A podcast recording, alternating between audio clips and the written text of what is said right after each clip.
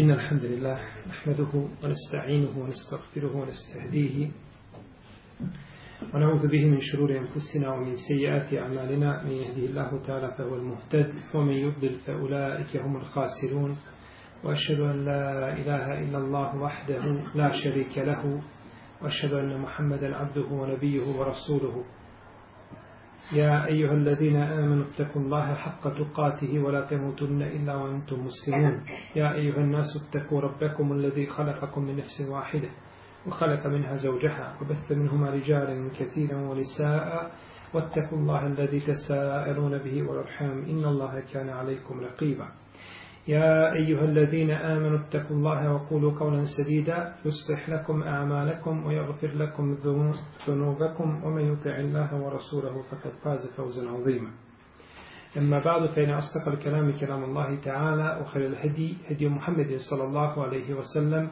وشر الأمور محدثاتها وكل محدثة بدعة وكل بدعة ضلالة وكل ضلالة في النار ثم أما بعد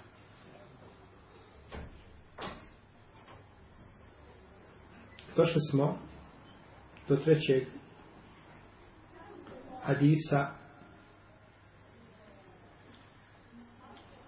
koga prenosi Anas ibn Malik kome stoji Anas ibn Malikem radijallahu anhu ane džeddetehu mulejke دعت رسول الله صلى الله عليه وسلم لطعام صنعته فأكل منه ثم قال قوموا ليصلي لكم قال أنس فقمت إلى حسير لنا قد أسود من طول ما لبس فنضحته بماء وقام عليه رسول الله صلى الله عليه وسلم وصففت أنا واليتيم وراءه والعجوز من ورائنا فصلى, فصلى لنا ركعتين ثم انصرف صلى الله عليه وسلم ولمسلم أن رسول الله صلى الله عليه وسلم صلى به وبأمه فأقامني عن يمينه وأقام المرأة خلفنا قال جانس بن مالك رضي الله تعالى عنه da je njegova nena koja se zvala Munejka pozvala poslanika sallallahu alaihi wasallame na obrok koji je pripremila ili hranu koju je spremila pa je jeo tu hranu Potom je rekao, ustanite da vam klanjam, da vas predvodim u namazu. Kaže Enes, pa sam ustao do jednog prostirača od palmine, palminog granja, poznat kao hasir, kod nas hasura što se pravi od trske ili od plastike, što već o tome. Kaže, već je bilo sve to granje je pocrnulo od upotrebe koliko, je, koliko se oblačilo, tako kaže, koliko se oblačilo. Pa sam ga poprskao vodom, pa je stao poslanica Oseleme i stao sam ja i jetim iza njega, a stala je starica iza nas. Pa nam je klanjao dva rekiata, potom je otišao. Ako muslima stoji u predaji, da je poslanica Oseleme klanjao njemu i njegovoj majici, pa ga je stavio sa desne strane, a stavio je majku iza njih. O jednom sudu maliku smo govorili u pogledu iste paveta.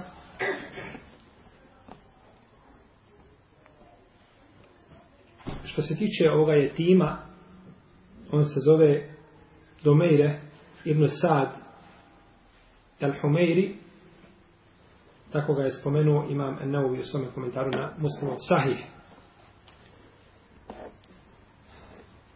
Emne džedetehu mulejke. Da ga je njegova nena koja se zvala mulejka pozvala. Pozvala poslanika sallallahu alaihi sallam. Ovaj hadis bileži Ebu Šejh u svome dijelu Fevajdul Iraqijin od Enesa da je rekao poslala me je moja nena koja se zvala Mulejka pa je spomenuo nakon toga hadis. I bliži ga tabaran isto tako u srednjem uođemu na isti ovaj način.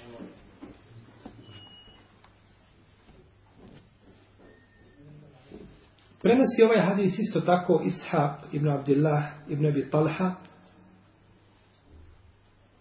od svoje nene. Ishaq je sin Abdullahov, a ovaj Abdullah on je sin Ebu Talhe. To je onaj koga je zanijela umu Sulejm one večeri kada je njemu preselilo dijete. Jel redu? Pa, pa je ovdje umu Sulejm nena koga? Ishaqa, sina Abdullahovog. Zašto ovo spominjamo? Zato što neka olema kaže, ta spomenuta nena, to nije nena Enesa, nije nena Enesa ibn Malika, već je to nena čija? Ishakova. Pa neće se raditi o Neni Ibn Enes Ibn Malika, nego sad u njevoj majici. O Neni koga? Ishak. Jeste. Tu je razilaženje među lemom. Tu je razilaženje među lemom. To je mišljenje Ibn Abdelbera i stredila ga je neka ulema u tome. Kaže imam Ibn Muletin i ne ovi da je to majka Enesova, a da je to nena od Ishak. No, međutim, ove riječi nisu potpuno precizne.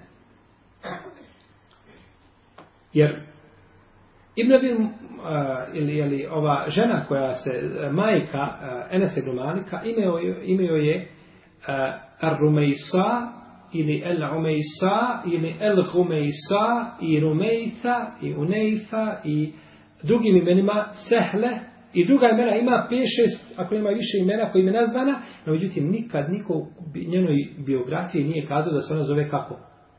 Mulejka. Nije niko to nije kazao.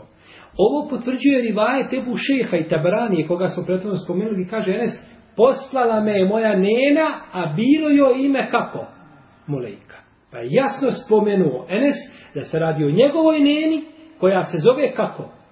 Mulejka. Znači, nedvosmisleno, znači, ovdje je to pojašnjeno.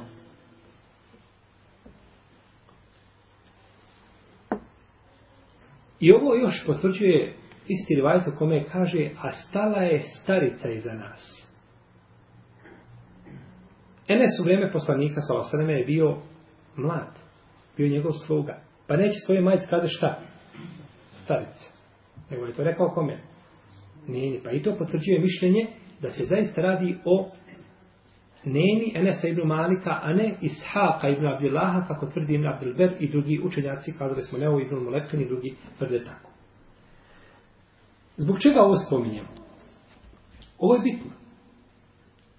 U šarijetu je sve bitno. Jer iz ovoga možemo izvući korist. Prvo,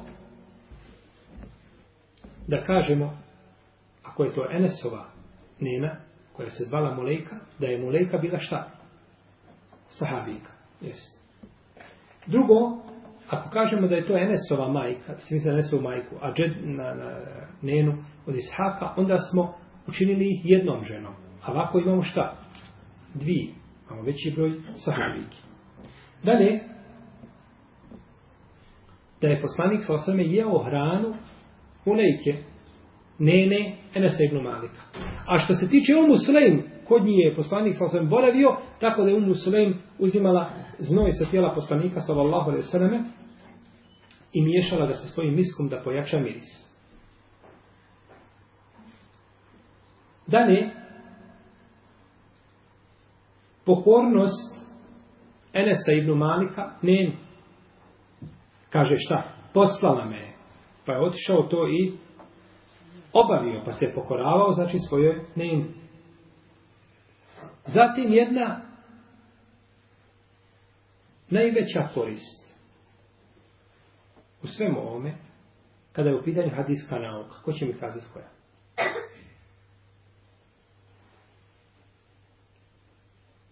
Hm? Da je Enes Ibn Malik doživio svoju nenu i da je čuo od nje. Jel red? Da je čuo od od nje. Što je jako bitno. Da je ravija koji prenosi, da je doživio tu osobu. Pa bi u ovom slučaju Enes bio ravija od svoje nene. Pa bi upao u skupinu koja je poznata kod hadijskih sučnjaka, oni koji prenose od svojih djedova. Ili nena, jel? Mate, oni koji prenose od očeva, oni koji prenose od djedova. Pa bi Enes, znači, upao u ovu skupinu i njegova, njegova nena Monika ome hadisu je dokaz kako je poslanik sallallahu alaihi sallam bio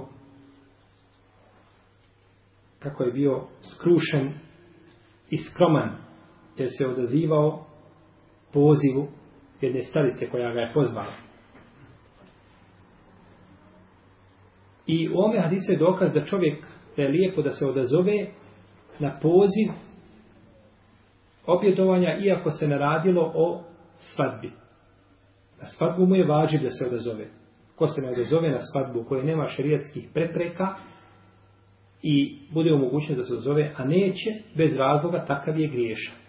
Znači, griješan je, jer kaže poslanik sa osvrme, u hadisu koga bilježe muslim i drugi, a, men du'ije ila walimetin felem yujib fekad asallaha wa rasulah. Ko bude pozvan na gozbu, misli se na jelina, svadbu, pa se ne razove takav je nepokoran Allahom i poslanik.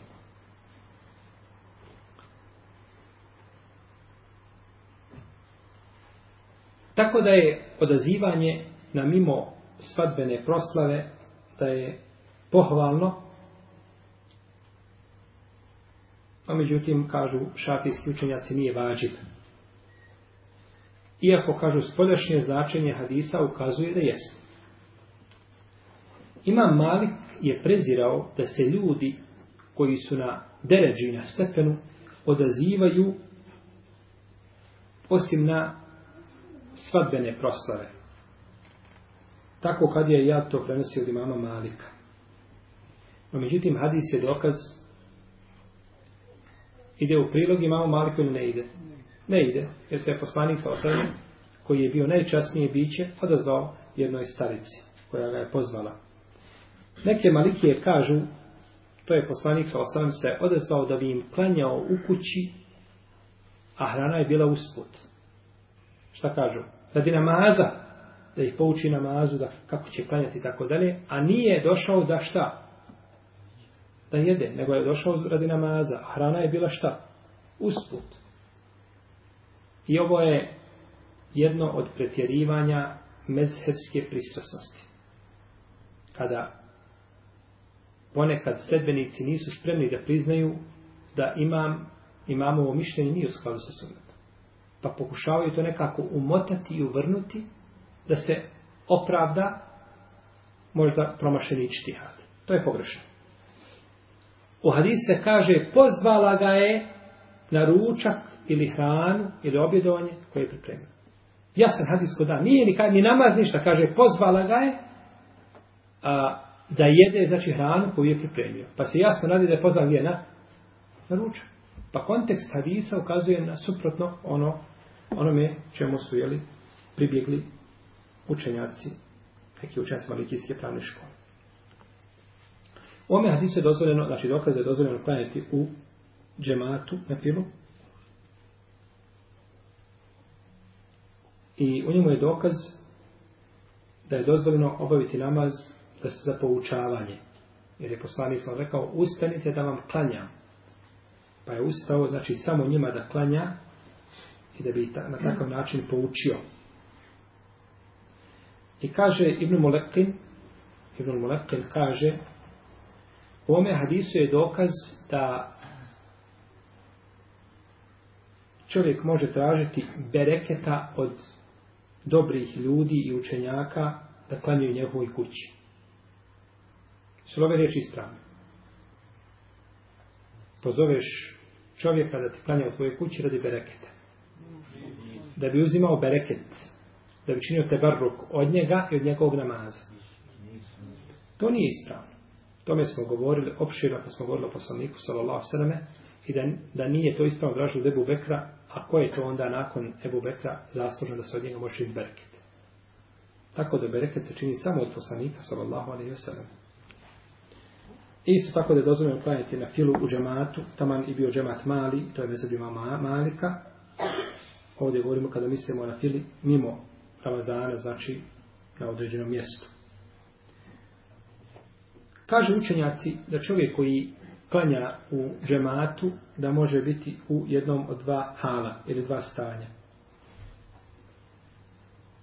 Da klanja želeći time Allahovo lice i Allahovo zadovoljstvo i ihlasom, čistim nijetom. Znači, cilj mu je samo da obožava Allaha te barake o ta'ala. I to je najveći oblik ibadeta, najpotpuniji. Ili drugi hal da želi nekoga da pouči. Da želi nekoga šta da pouči. Pa klanja svakako Allahu te barake o ta'ala, ali mu je cilj uz taj namaz da pouči ljude ispravnom načinu znači obavljanja namaza.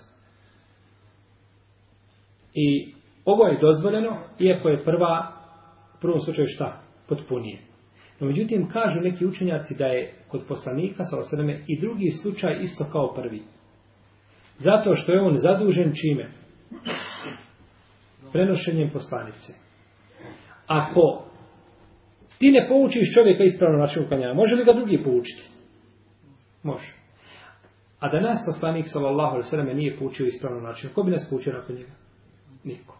Pa je kaže kad je u pitanju Rasulullah sallallahu alejhi ve selleme, kod njega je isti prvi i drugi slučaj. Jer je on zadužen sa ovaj prenošenje poslanice u stvari svaki njegov pokret je bio da pouči svoj umet kako će raditi nakon njega. Dok to nije slučaj sa drugim, sa drugim ljudima. Kaže, ustao sam do prostirača od palminog granja, koji je, kaže, samo pocrnio koliko se oblačio. Po arapskom jeziku se za prostirač može kazati da se oblači. Iako to nije poznato u običajnom pravu kod ljudi, ali se misli ovdje znači koliko se oblačio, to koliko se koristio.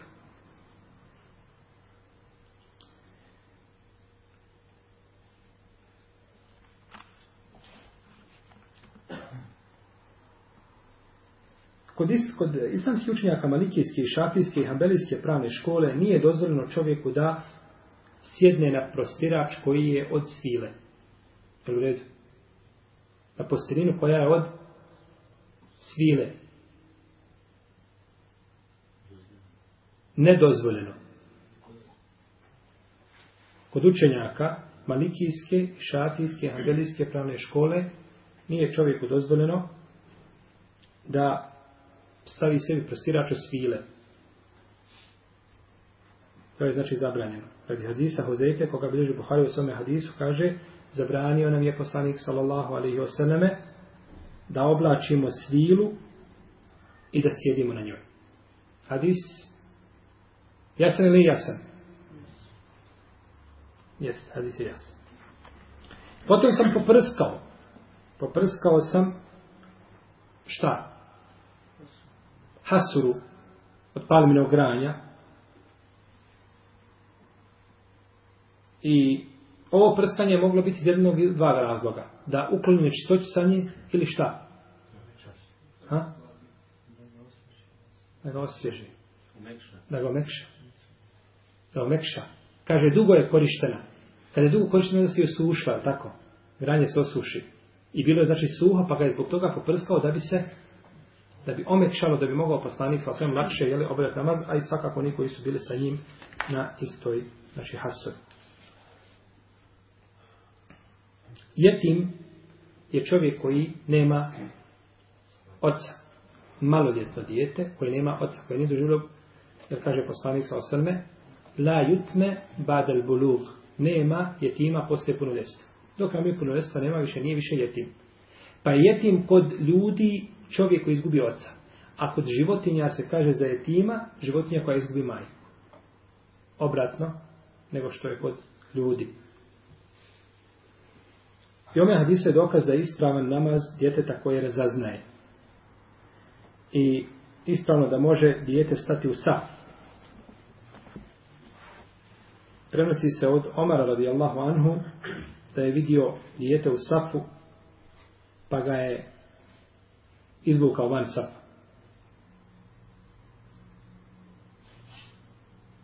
Pa A međutim, kaže učenjac, ovo se odnosi na djecu koja ne razumiju namaz. Odnosno, ne nestataju stvari koja su više mala i koja samo igraju u namazu. I u safu. U safu i iziđe. Poda, šeta po džami pa se vrati. Pa opet ode šeta. Pre, ostavlja saf šta? Prekinutim. Tako da, to se odnosi na te. A prenosi se od prenosi se od Ubeja ibn Kjava, da je dijete tako izvukao van safa i stao na njegovo mjesto. To se odnosi znači na kako bi drži Ibn Abišejba u svojom Musannefu i spominje ga Ibn Abdelber u svojom djelu ili Stitkar i drugi da je tako postupio obe Ibn Kjab a, i da je stao na njegovo mjesto. To se odnosi vjerojatno na malu djecu znači koja ne razaznaju i koja se samo igraju i koja ometri klonjače. I u njemu je dokaz da dvojica kada stoji za imama stoje kada dvojica klanju iza imama, da stoje iza imama. Da stoje šta? Iza imama. U sad stanju njih dvojica iza imama. I to je mišljenje sve uleme, osim Ibn Mesauda i njegove dvojice učenika. A njegova dvojica učenika su ko? To ćete svi potruditi za naredni put da nađete ko su dvojica učenika od Ibn Mesuda. Neka, neko ostane za naredni put, a Ibrahima ostaje u stranu. Dvojica učenika Ibn Mesuda, kao ako kažemo dvojica učenika Ebu Hanife, misli se na koga? Ebu Jusfa i Ebu Hanife. Kad kažemo trojica učenika Ebu Hanife, koga još mislimo uz njih? Zufar, tako je. Ovdje kada kažemo dvojica učenika Ibnu Mesauda, to će, to će vama biti znači, zadaća da nađete za naredni put. I to je stavi Ebu Hanife i kufijski učenjaka. Da će stati kako? Jedan s jedne, drugi s druge strane imama. Dok većina, izlazi ta većina islamske uleme, kaže da se staje, da se staje iza, da se staje iza imama.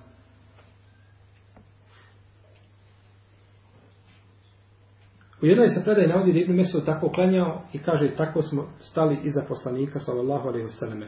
No međutim kaže Ibn Abdelber da ova predaja nije vjerodostojna. Što se prenosi od koga? Od Ibn Mesuda da nije vjerodostojna. Pa su ljudi koji su to kazali, učenjaci hanetijske pravne škole i kupljani, kazali su to radi hadisa, znači koji ima slab lanac prenosilaca. A ne ovdje se vjerodostojni predaj da je Ibn Mesud klanjao sa još dvojicom i da je stao između između njih. Znate zašto je stao između njih? Zato što nije bilo dovoljno mjesta. Nije bilo šta dovoljno mjesta da budu dva sata. Pa je stao između njih. Allahu ta'ala ispravno je ono što je činio poslanik sa vasreme. Po ome hadisu da je stao Enes i ko još? Jetim iza njega, a iza njih je stala žena. U ome dok, hadisu je dokaz da je mjesto žene u namazu iza djece. Ako nema sa njom druga žena, staće sama, znači u saf i oko toga nema razilaženja. I iz ovoga hadisa se može se zaključiti da žena ne može prevoditi muškarca u safu. Ako mora stati u saf iza djece, a, kako onda može proći ispred muškarca i prevoditi ga? Pa se to zaključuje iz čega iz?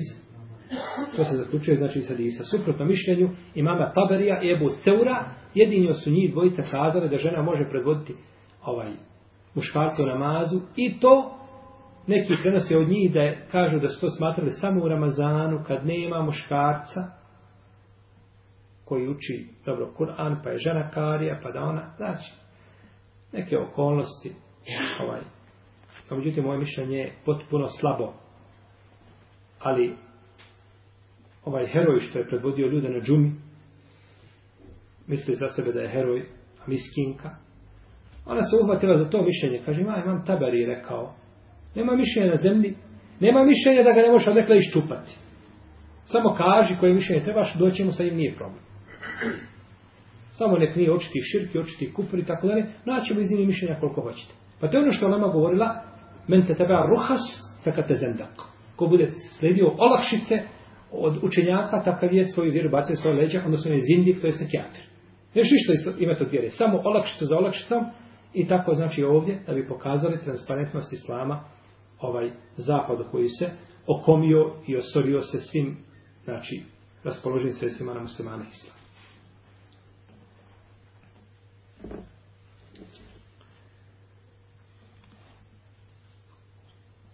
Isto tako, razilazi se nama da li žena može predvoditi žene u namazu, pa kaže imam Malik i Buhanife i skupina činjaka da ne može.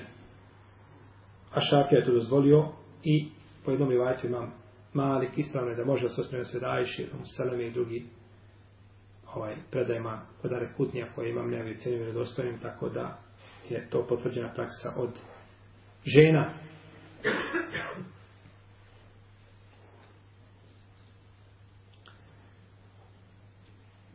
I u njemu je dokaz da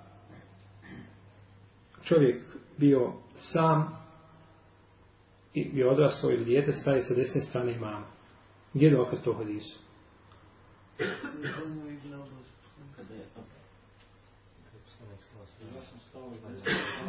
Ibn Abbas. Ja sam fino postavio pitanje. Gdje je dokaz u hadisu? Hadisu Enesa. O tome hadisu govorim, ne o hadisu Ibn Abbasu. Ovim govorom hadis Ibn Abasa ušli smo u fik i nema veze sa ovim hadisom što govorimo. Mi pričamo o ome hadisu.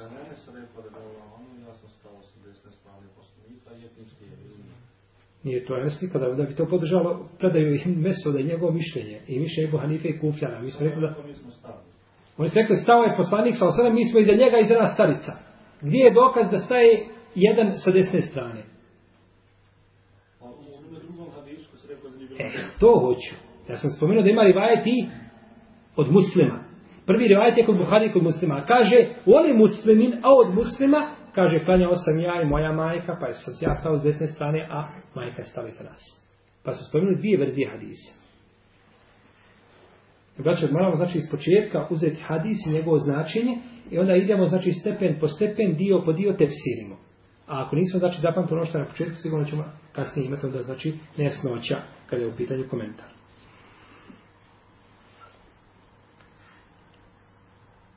I ome hadisu je dokaz da je dozvoljeno klanjati na hasuri i na svem onome što niče iz zemlje. I tu nema razilaženja među lemom da je zemlja čista ili za namaz. I prenosi se od Amara ibn Abdelaziza da nije to smatrao pohvalnim, ali vjerojatno to je bilo iz ovaj skromnosti, a nikako da je to zabranjeno. Nego kaže da je lijepo da čovjek čelom dotiče odmah zemlju.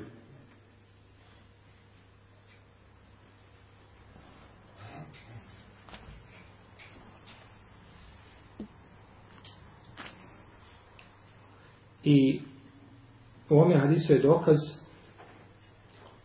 da je odjeća i sve na čemu se i u čemu se može klanjati da je čisto dok ne dođe jasan dokaz da je to šta? Nečisto. Isak ibn Rahavaj kaže da nije dozvoljeno obući odjeću novu odjeću nevjernika iako je nova dok je ne opereš No, međutim, on je jedini izdvojio svojim hadisom. Došao bi redostojne predaje da je poslanik sa osanem oblačio ogrtač Bizantijaca koji je imao tjesne rukave, tako došlo kod Buhari kod muslima. I niko nije prenio da ga je poslanik sa osanem prethodno šta oprao. Jer po tome bismo morali svu odjeću koju kupimo kod devjenika prije toga oprati. Morali bismo je oprati što nije ispravno. Ko učini ima pravo, a međutim nije obavezno. I ome hadisu je dokaz slušajte, ome hadisu je dokaz da se dnevni namazi klanjuju dva po dva. Gdje je u hadisu dokaz da se dnevni dobrovoljni namaz klanjuju dva po dva? Ko zna? Ako je pozvan na ručak, onda je to srednji namaz. Baš tako pozvan je na da jede, a jede se po uglavnom po dan. Jede se po dan. Ima i po noći, jel, onih koji jedu. Do zore. No, međutim, ovaj, običaj je da hrana bude po da, i kaže, panjao mi je dva rekiata. Pozvano se po danu, znači, jel, na, na obrok i panjao mi je dva rekiata. I ome hadisu je dokaz, kaže učenjaci, da ome hadisu je dokaz da ne mora se čovjek abdestiti od onoga što je dotakla vatra. U prvo vrijeme islama bila je obaveza. Ako jedeš nešto što je dotakla vatra, šta da se, da se abdestiš nakon toga. Gdje je ovdje u hadisu dokaz da čovjek koji je, o, da, da ne mora se abdestiti nakon onoga što je dotakla vatra?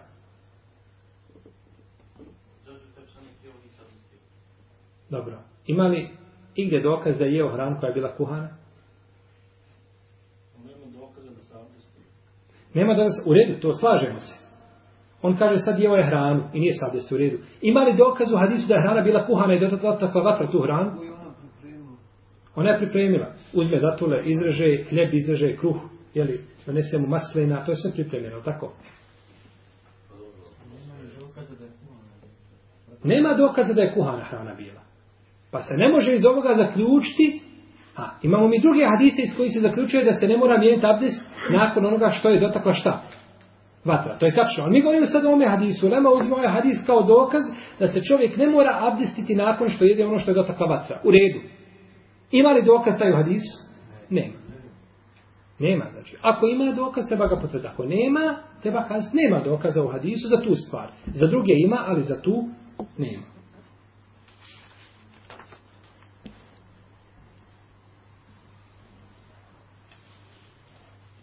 neka ulema dokaziva a, ovim hadisom, slično pitanje, da je ispravan namaz pojedinca iza sata.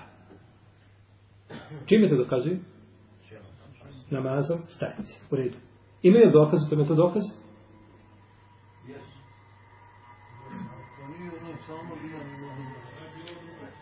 Ona je bila samo u safu. Je to dokaz da je ispravan namaz osobe iza sata? baš tako. To je njeno, ona mora biti tu. Ja bilo drugo osoba, ja ne bilo, ona mora biti tu. Jer njoj šarijete dozvoljava da stane ni sa muškarcem, niti sa djecom. Ona mora biti šta? Iza? Iza njih. E sada, da li neko ima ili nema? Jer u protivnom bi bilo za nju to da ispuni nemoguće. A ne smiješ sa imamom sa? A ne smiješ stati do hođe?